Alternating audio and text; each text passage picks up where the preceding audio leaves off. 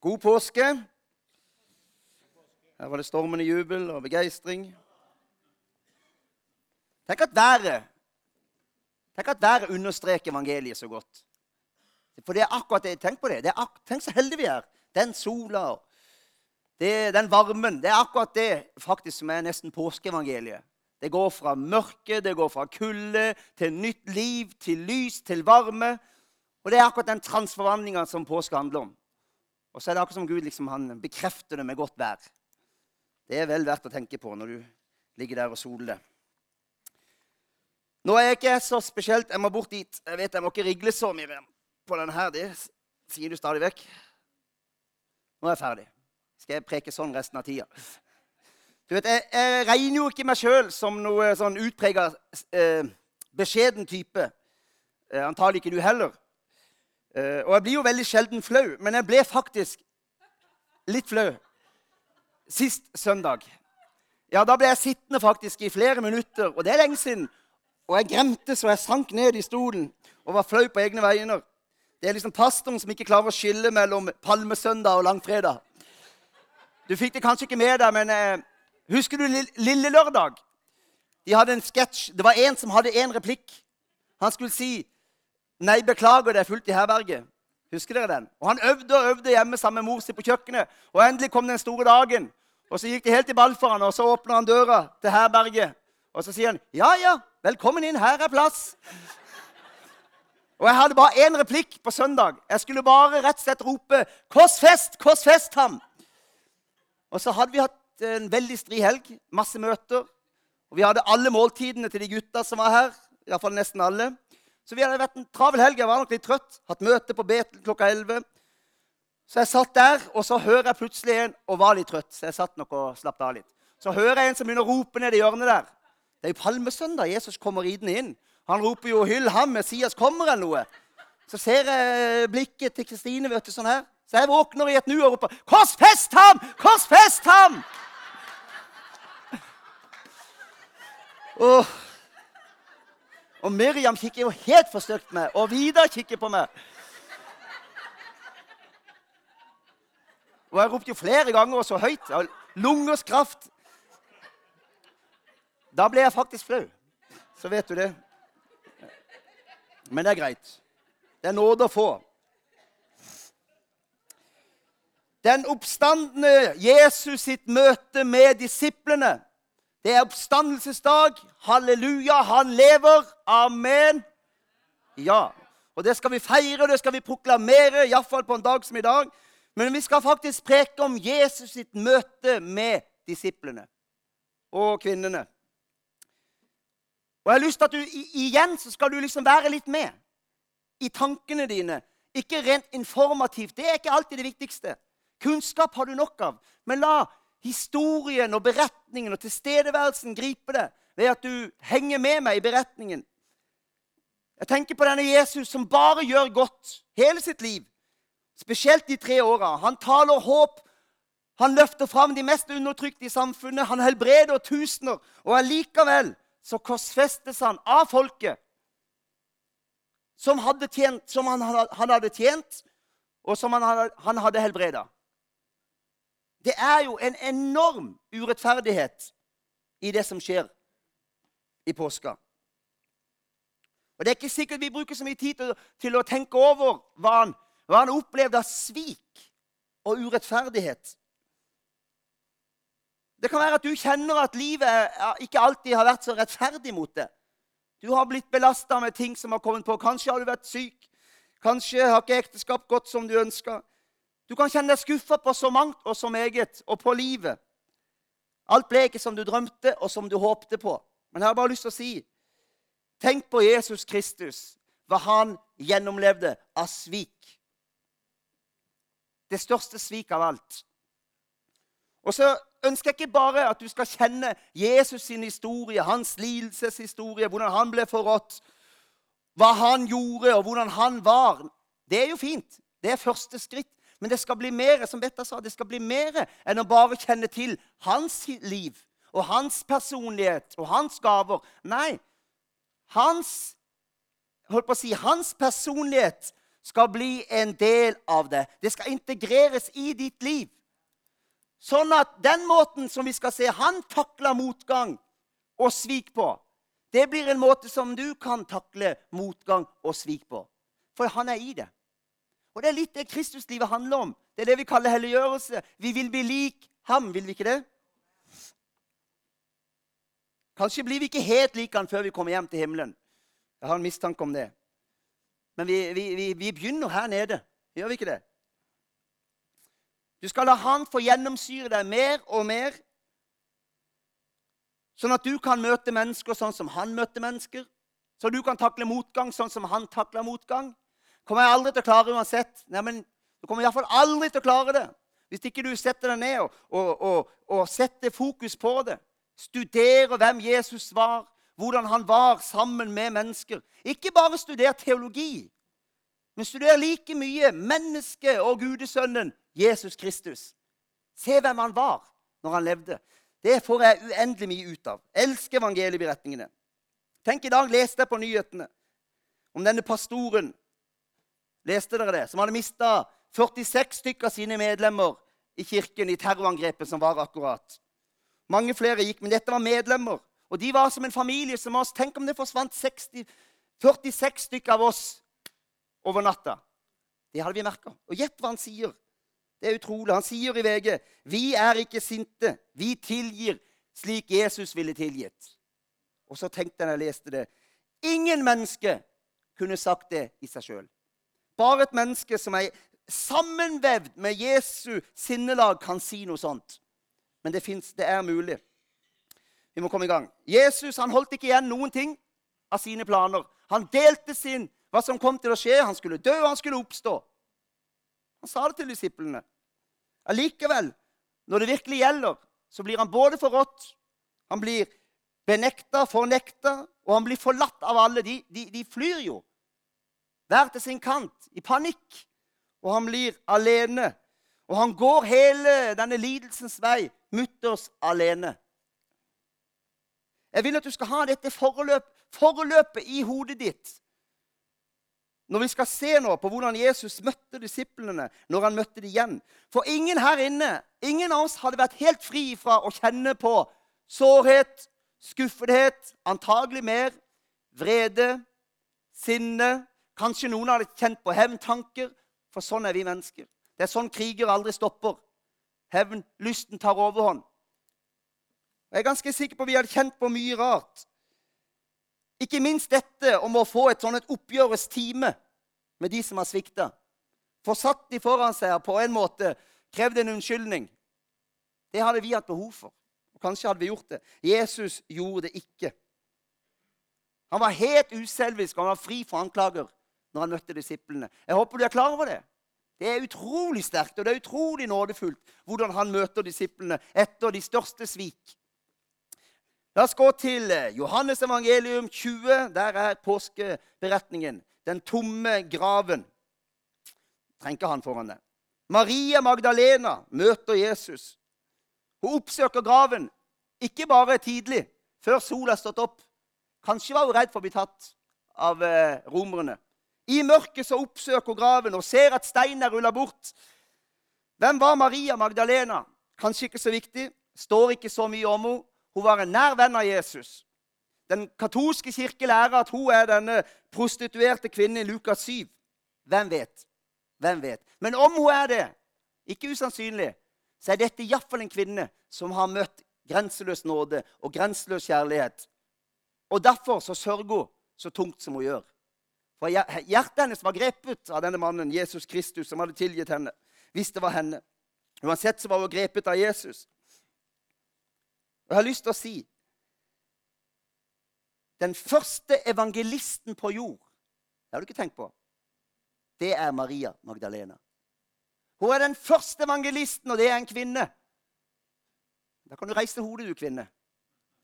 Det er, en, er, det viktig? Ja, hør. Et vitnemål til en kvinne på denne tid ble ikke regna som veldig troverdig. Det ble ikke tillagt noe særlig vekt, og de fikk ikke engang lov til å vitne i rettssaker. For deres vitnesbyrd ble ikke regna som troverdig. Så kvinnen hadde en helt annen eh, status den gangen. Og stikk i strid Jeg syns det er så fantastisk. Det er jo Gud i et nøtteskall. Stikk i strid med all kultur på den tiden, så velger han nettopp ja en kvinne som det første vitnet, som den første som får møte han, og som den første som får dele vitnesbyrdet videre, videre, Maria Magdalena. ikke det fantastisk? Blir du ikke litt stolt, du som er kvinne her? Det burde du bli. Det her er utrolig viktig. Det er fantastisk, men det er mer enn det. Det er utrolig viktig, faktisk. Det er et kjempeviktig poeng. For det forteller oss noe om hvordan Gud ser på kvinner. Han ser på kvinner annerledes enn verdenshistorien har gjort. På denne måten her så løfter han faktisk fram kvinner på en helt ny og spesiell måte som tidligere aldri ble gjort i samtiden. Nå må du finne blyant og penn, Betta. Jeg ser det. Du ble inspirert nå. Hør! Gud kan ikke låses fast i kulturer. Han kan ikke låse fast, låses fast i tidsperioder. Han er suveren. Han handler som han vil, når han vil, med hvem han vil. Til og med kvinner. Amen. Det er sterkt, det. La oss gå litt tilbake. Hun finner altså denne steinen rulla bort, og så går hun ikke inn i graven. Det er litt snodig at hun ikke går inn i graven. Hun løper umiddelbart til Peter og den andre disippelen, som ikke har navn. Komisk, det òg. Så tenker jeg kanskje var hun litt prega av, av, sin egen tid. At hun tenkte det at nå må hun løpe til mennene, til lederne. De må være de som tar seg hånd om dette nå. Jeg er bare en kvinne. Hun gikk ikke inn i graven. Hun løper og henter Peter og, og den andre disippelen som Jesus elsket, står det. Min mor, vet du, hun I tidligere tider, noen år tilbake, en del år, så hadde ikke hun navn, liksom. Hun gikk bare under doktor Willy Wilhelmsens Eller doktor, doktor Willy Wilhelmsen med fru. Hun var navnløs. Det er doktorfruen, sa de bare. Ingen visste navnet. Pastor Vidar og den andre ansatte.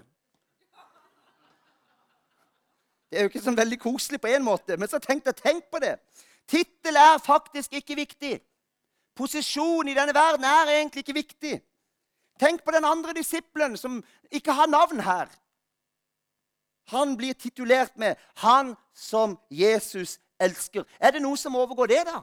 Fins det noe bedre posisjon å ha enn 'Han som Jesus elsker'? Det er jo den høyeste tittel. Der vil jeg ha min identitet. Der vil jeg ha min trygghet. Langt mer enn i noe annet. Neste gang noen spør deg hvem er du, så kan jo du svare jeg er ham, eller jeg er henne, som er elsket av ham, som er jeg er.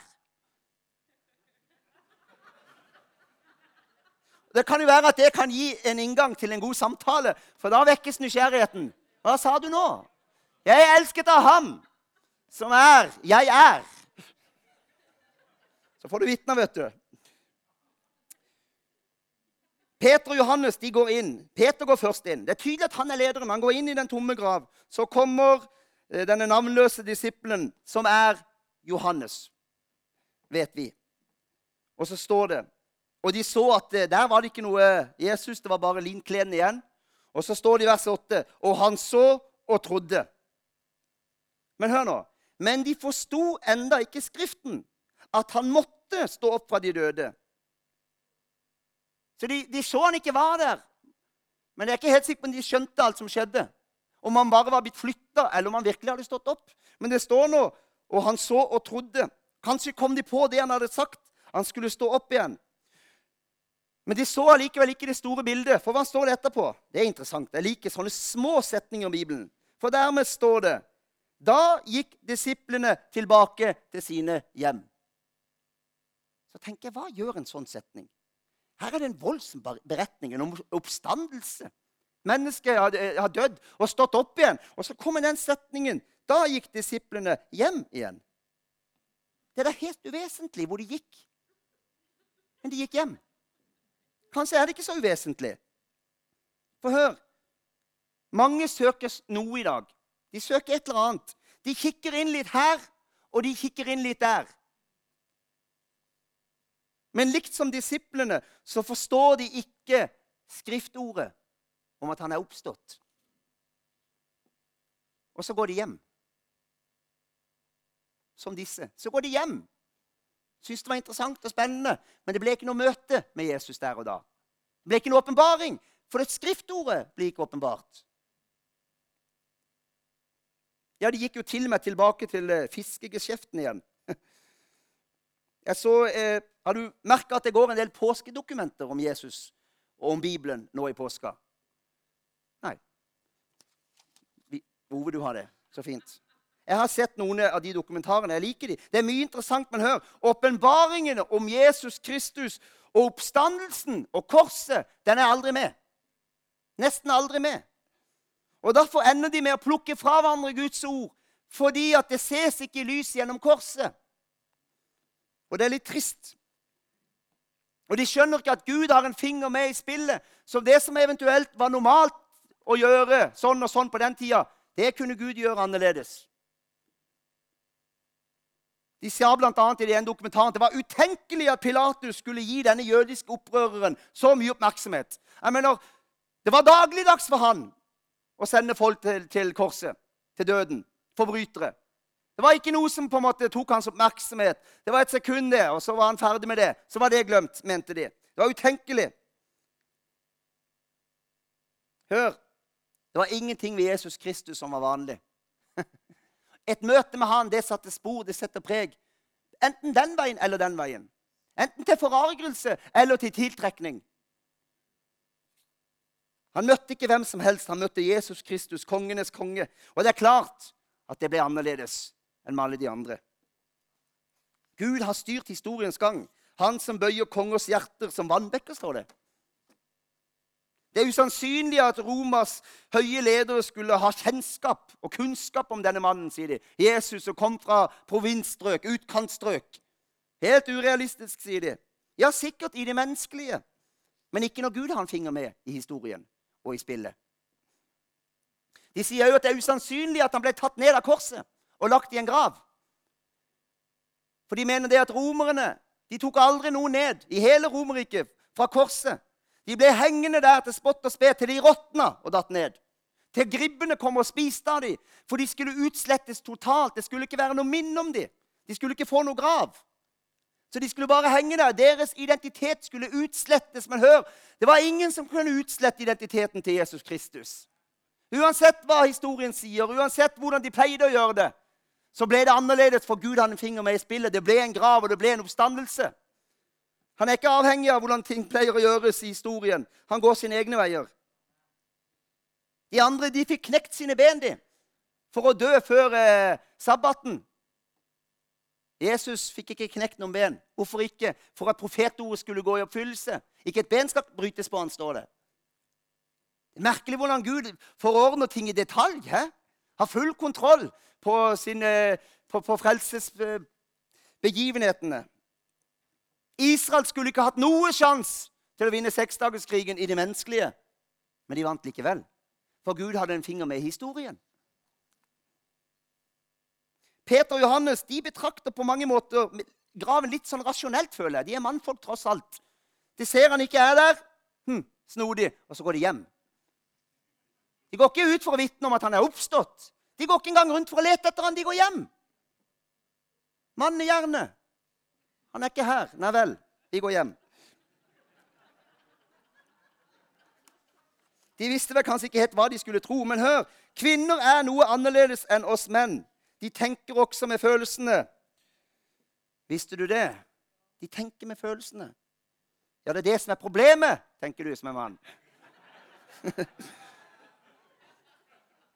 Det er ikke noe problem for Jesus Kristus. Det er ikke noe problem for Gud. Skal jeg si deg en ting? Jeg har et inntrykk at i Guds menighet på jord så fins det ofte mer kvinner enn menn. De er ofte mer, jeg har sagt det før, de er ofte mer sensitive enn menn. For de har en, sånn en, en, en annen emosjonell tilnærming.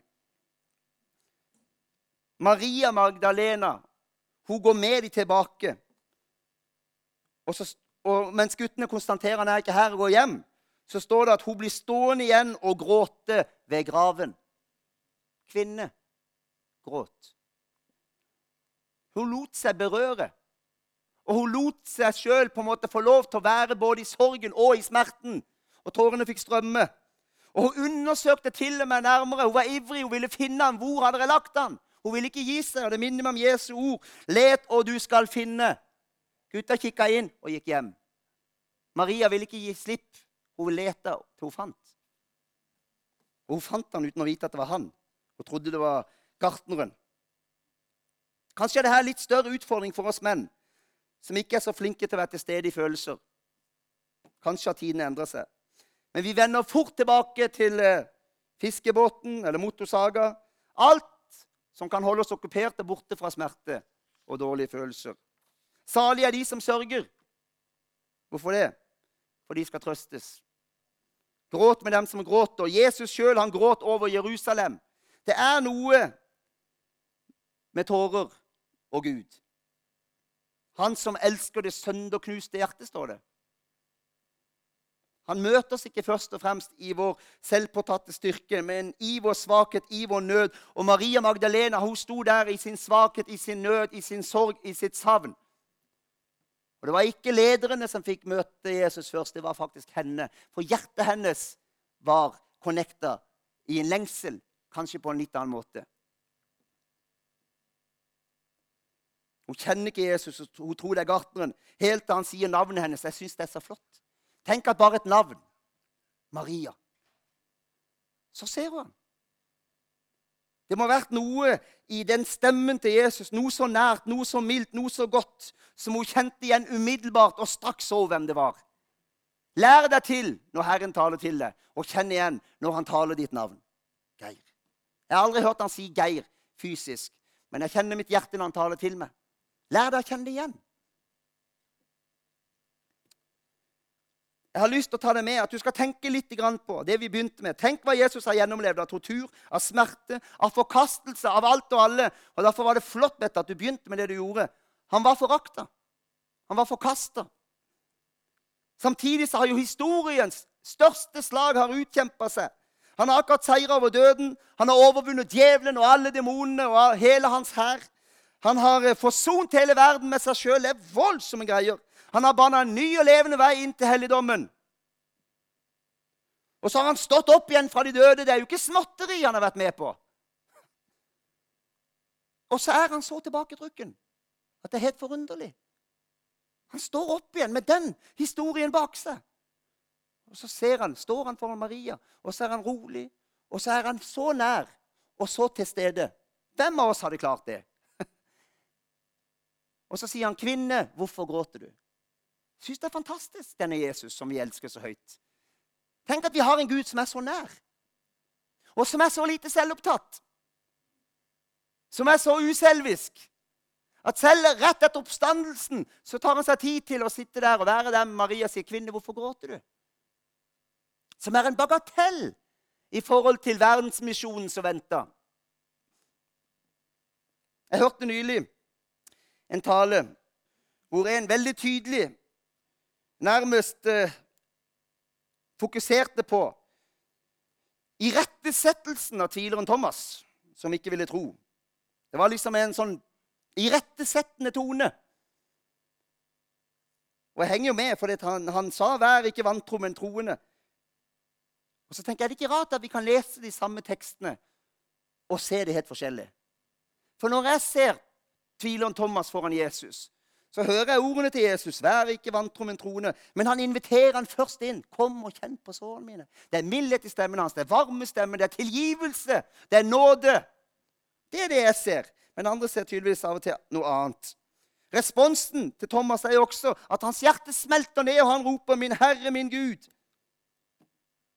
Og Når du i tillegg ser at alle hans møter med disiplene og kvinnene etterpå de er så milde finnes ikke anklagene. Selv om alle hadde svikta han, så jeg, ser jeg ingen grunn for at han var anklagende mot tvileren Thomas heller. Han fikk en ny start. Han fikk begynne på nytt. Gutta de har satsa alt nå på å følge Jesus. Og Nå er de samla, og de har møtt Herren én gang. Men de vet tydeligvis ikke helt hvor veien går videre. Og Derfor sier plutselig Peter jeg synes det er litt humor, Bibelen er litt humoristisk. Så sier han nei, jeg går og fisker. Det står akkurat sånn. Jeg går og fisker. Merker du resignasjonen i det? De har vært med på noe så fantastisk. Og så sier han 'jeg går og fisker'. Og de andre sier 'ja, vi går med'. Det er som de tenker 'ja, men det kan vi iallfall'. Det har vi gjort før. Det er trygt, det er godt, vi går tilbake. Mens vi venter iallfall. Det er noe resignert over det hele. Altså, De forlot alt for den mannen, og så er de på en måte tilbake til start igjen. Har du følt det sånn i livet? Du har ofra mye for noe du har drømt om, noe du har sett for deg. Men så er det som om du stadig rykker tilbake til start. Jeg tror alle har opplevd det. Du var så ivrig, du var så på. Du drømte om noe. Så ble det ikke noe av, og så er det som du rykker tilbake til start. Tenk på gutta, da. De rykka ikke bare tilbake til start. Men når de kom tilbake til det de egentlig kunne, så fikk de ikke til det engang. Å få fisk. De har fått fisk hele livet. Når de skal prøve seg på nytt med den gamle sporet, så funker ikke det engang. Ja, da er det ille. Kommer du ikke lenger ned da? Så kommer de altså hjem med tomme mager og tomme garn ved tidlig soloppgang. Husk på hva Jesus har vært igjennom. Den enorme seieren han har utkjempa. Verdens misjon og menneskers frelse står for tur. Det er viktige ting, det. Enorme saker. Men jeg syns det er fantastisk at han, han har både tid, han har oppmerksomhet og han har omsorg nok til å stå der på stranda Tidlig om morgenen, før de er kommet inn, der står Jesus og venter på sine disipler. Ikke sikkert du ser det som meg, men jeg syns faktisk det sier meg så mye om denne Jesus. Dere husker historien når de slet med å komme over Genesaretsjøen. De rodde i store bølger og motvind.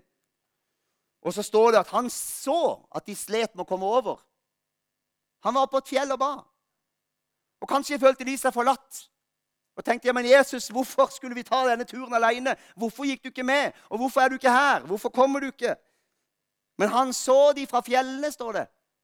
Og så vandra ned på vannet til dem. Og de fikk sannelig rohjelp. For i et blunk så var de på andre sida. Hvis ikke jeg blander historien. Han kom ikke når de forventa, men han kommer i sin time. Vi må bare lære å stole på ham akkurat der. Klarer vi det? Så har han gjort opp ild på stranda. Jeg syns bare det er sterkt. Det Det er merkelig mye du kan få ut av Guds ord. Ja, det er åpent for det òg. Han har gjort opp ild på stranda. Mesternes mester, kongenes konge, den nye verdens frelser. Han legger, har gjort opp ild. Samla vedkubber. Det liker du, Ole Georg. Han har lagd seg en liten grill. Jeg syns det er fantastisk. Det sier noe om vår skaper. Han opererer i det største av det største.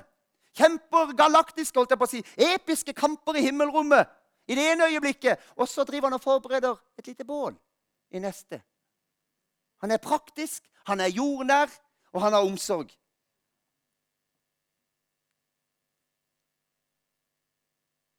Kongenes konge fortsetter altså å tjene selv etter denne majestetiske seieren som han akkurat har vunnet. Tenk på det. Han fortsetter å tjene ned i de helt enkleste ting, de små ting. Disiplene de er slitne og de strever, og så står det at de kjenner ham ikke igjen. Vi kan òg bli så slitne og vi kan streve så mye i egen kraft og i motløshet at vi ikke kjenner han igjen. Har du vært der? Noen nikker. Du vet hvem han er, men du kjenner han ikke igjen når han hvisker til deg. Du kjenner han ikke igjen når han prøver å føre deg inn på en bedre vei. Du kjenner han ikke igjen når han taler til deg ved sitt ord. Han føles fremmed, han føles langt borte. Men han er aldri langt borte fra en eneste en av oss. Han var ikke langt borte fra disiplene. Han bare var, bare var på fjellet. Og så var han nede på et blunk når han trengte å være det. Barn, har dere noe å spise? sier han. Tenk at vi er hans barn. Voksne menn som blir kalt barn. Jeg lurer på hva de tenkte om denne fremmede karen som står på stranda og kaller de barn. som de ikke kjente igjen. Han har omtanke for de helt ned til noe så enkelt som mat. At de er antagelig sultne etter en lang natt. Og så spør han også, Det er et indirekte spørsmål om de har fått noe fisk. Og så kaster de ut garnene på kommando på andre side, og garnene blir overfylt. Det er en annen tale. Alle disse møtene med mesteren forteller meg så mye om Jesus, som jeg elsker, som jeg søker å bli lik. Jeg var på Lista i helga og lander ofte i noen samtaler der. og da var det et menneske som sa han må være veldig selvopptatt og egosentrisk, den guden deres. Som krever og forventer eller krever at alle skal tilbe han og falle ned for han, som om han var alt i denne verden. Jeg skjønner jo hvorfor vedkommende tenkte sånn. Jeg vil ikke legge meg under en sånn Gud, sa hun. Jeg vil ikke være et sånt menneske som skal eh, viljeløst bare tilbe noe som krever min tilbedelse. Det er et gudsbilde som noen mennesker har, men det er feil. Og Jeg måtte prøve å snu det på hodet og si at hør, han ga sitt liv for oss fordi han elska oss først. Derfor elsker vi han tilbake. Han lengter etter fellesskap. Derfor strekker vi oss etter han. Han står på stranda og speider. Tenk på det. Kom hit og hold måltid. Det er straks ferdig. Igjen så er det han som inviterer. Jeg vet ikke om du har fått det med seg, men han har tatt med brød, og han har tatt med fisk. Har du fått med deg de små setningene? Og jeg syns jo det er fantastisk. Tenk på det. Han har vært oppe grytidlig, inn på kjøkkenet, og der har han stått og lagd matpakke til sine disipler. Grytidlig om morgenen. Rett etter, opp, rett etter oppstandelsen. Det er jo fantastisk som om han ikke hadde viktige ting å gjøre. Det er vår Gud, altså. Snakk om å være nær, snakk om å være omsorgsfull. Helt til, ned til våre næreste behov. Det er derfor han lærer disiplene å be. Gi oss i dag vårt daglige brød. Og så hadde han tydeligvis med nok brød, men han hadde ikke med nok fisk. Har du sett det? Han hadde, bare, han hadde med bare litt fisk. Men Hvorfor hadde han med bare litt fisk? Han visste hva som skulle skje. Her ligger det masse nøkler. Og så ber han de å komme med noe av den fisken som de hadde fått gjennom dette underet. Og jeg tror at de fulle fiskegarna det var jo det som gjorde at de skjønte hvem han var. Men ikke bare det. Det var et møte med en så nådefull, så raus, med et sånt tjenersinn. De var helt sikre. Det er mesteren. De turte ikke spørre av en eller annen grunn, men de visste det. De forsto at det var mesteren, står det. Hva lærer vi? Jo, vi lærer igjen at om vi tar noe som vi opplever som aldri så lite, kanskje ingenting i våre øyne, ja, tomme fiskegarn, og legger til Guds kraft, Guds tiltale, Guds undergjerninger, så flyter det over. Og så begynner han å dele ut.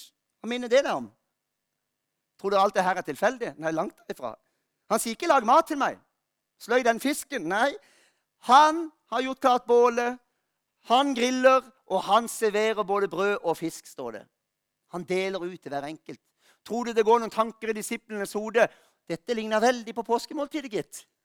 For det gjorde det. Han bare fortsetter i samme spor. Selv etter oppstandelsen så tjener han. La alle få merke at dere er vennlige. Har dere lest det? De første kristne var kjent for sin praktiske godhet. Hvorfor det? Fordi mesteren hadde modellert det så mesterlig gjennom alle de år han levde med dem. Og selv etter sin død så fortsetter han å modellere eh, tjenerskap og ydmykhet og omsorg. Har vi noe å strekke oss etter? Og han inviterer oss fremdeles den dag i dag. Kom, for alt er ferdig, sier vi i nattverden. Det er Derfor det er viktig at du skjønner at du mottar frelsen. Du mottar nattverd. Vi sier ofte at vi går til nattverd. Dårlig formulering. Du mottar nattverd. Det er ikke noe du gjør. Du skulle egentlig bare sitte på stolen og fått det tredd i munnen. Det hadde vært mer riktig, faktisk. En passiv, men åpen holdning. Jeg tar imot. Hvor du ikke trenger å gjøre noe annet enn å ville. Jeg skal døpe meg, sier noen. Ja vel. Skal du døpe deg sjøl, du? Skal du begrave deg sjøl òg? Ingen har til dags dato begravd seg sjøl. Hvis man er død, da. Nei, du lar deg døpe. Igjen en ren mottakerposisjon, hvor du ikke gjør annet enn å stå helt overgitt til andres hender, som begraver deg med Kristus og reiser deg opp igjen. Det er ikke noe du gjør, det er ikke noe du kan legge til. Du skal bare stå der. Jeg så et lite YouTube-klipp fra en en kirke der med en liten unge som skulle døpes. Han syntes det tok så lang tid. For han ba og ba, og så plutselig så forsvant han mellom fingrene hans. Da hadde han vært nede og opp igjen. Så det var artig, da. Han ble nok døpt for det. Skal du høre noe rart? Kanskje ikke du er enig. Du velger strengt tatt på mange måter ikke Jesus helt selvstendig heller. Oi, Hva er det du sier? Jeg tok jo imot Jesus. Det var mitt valg. Dette er, dette er, et av de store teologiske spørsmålene. Kan vi egentlig velge Kristus? Jeg skal ikke gå inn på det, men hør. På mange måter så er ikke det engang ditt verk. Og La meg forklare hvorfor. Ingen kan komme til meg uten at Far som har sendt meg, drar ham. Du kan ikke ta æren for det engang. Du har ikke overbevist deg sjøl om å ta imot Jesus. Du har ikke overbevist deg sjøl om at ja, men han lever kanskje. da, jeg får ta han imot. Nei, Den hellige ånd har overbevist ditt hjerte. Du har ikke den evnen i deg sjøl til å kunne velge det pga. den syndige naturen. Så også der trenger vi drahjelp. Han kommer oss i forkjøp allerede der. Han er bare suveren. Slutt å konkurrere. Du når ikke opp allikevel. La han få gjøre alt. Du tar bare imot. Jeg ser på klokka.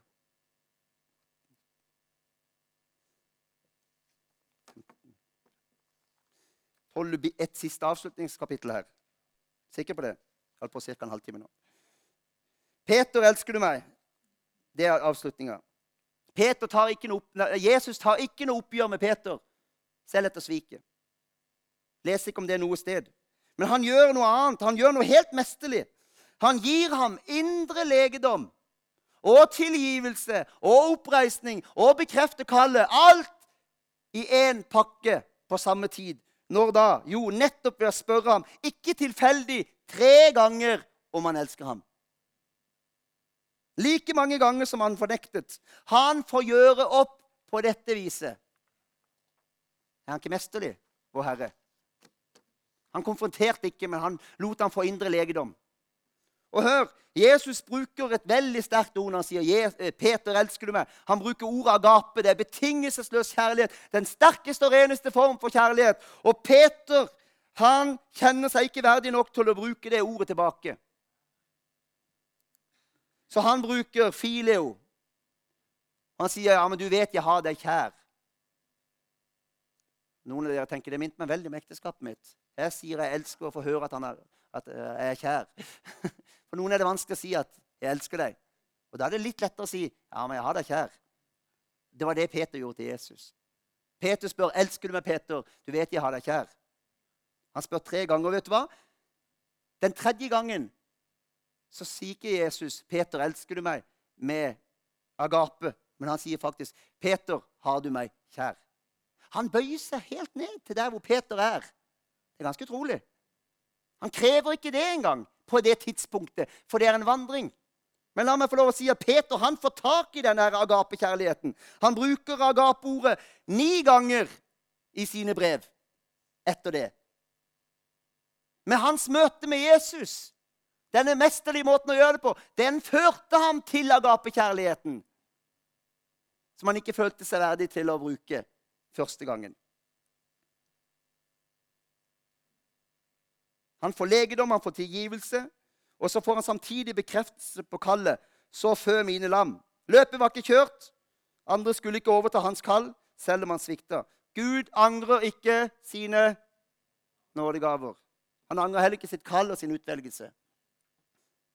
Han tillater at Peter er i denne prosessen. Jeg syns det er fint, det.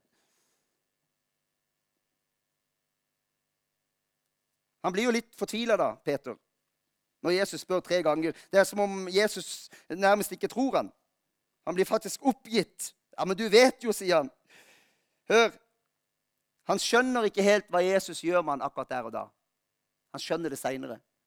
Han skjønner ikke hva Jesus har for en indre plan om å lege hans indre. Så han blir frustrert. Kanskje er vi jo av og til der at vi skjønner ikke helt Guds vei med oss. Vi skjønner ikke hva han holder på med, hvorfor dette skjer, hvorfor han gjør sånn. Men han vet best. La oss bare stole på han. La oss bare overlate oss til hans hender og si nå ble det sånn, Herre, du har en plan med det. Noen ganger må han stoppe oss opp, noen ganger må han ta ting fra oss, fordi hans veier er høyere enn våre veier. Amen. Lovsang.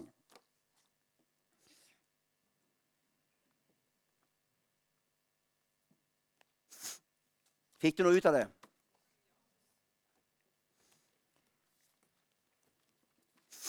La oss tilbe Han som den kongen han er, som den majestet han er. Men jeg har jo lyst til å si la oss tilbe han for den enorme medmenneskelighet han har. For den enorme omsorg han har. Han er majestet, og han er konge, og han er eh, kriger. Han er mye av alt dette sterke. Han er oppstått. Men han er vår venn. Han er vår frelser. Han er den nærmeste i våre liv. Han har omsorg for absolutt alt. Fra det daglige brød til økonomiske problemer, til kall og utvelgelse. Tenk. Og så får vi være i en sånn mottakerposisjon egentlig i stor grad hele vårt liv. Vi går til nattverd på ny og på ny. Vi søker han på ny og på ny. Vi har ikke så mye å komme med, har vi det? Men han har mye å komme med. Han har mye å fylle på med. Så derfor er du barn hele livet. Jeg har lyst til å bli voksen. Ja, Du skal bli åndelig moden, det er noe annet. Det er en annen tale. Men du skal være barn hele livet. Du skal være i denne mottaker, avhengighetsposisjonen til Kristus hele ditt liv. Så skal du vokse i kjennskap og, og i gavene og bli en modig og djerv og sterk kristen med innsikt og visdom. Det er ikke det jeg snakker om, men du blir aldri mer enn barn. Og du blir aldri så sterk at du blir uavhengig.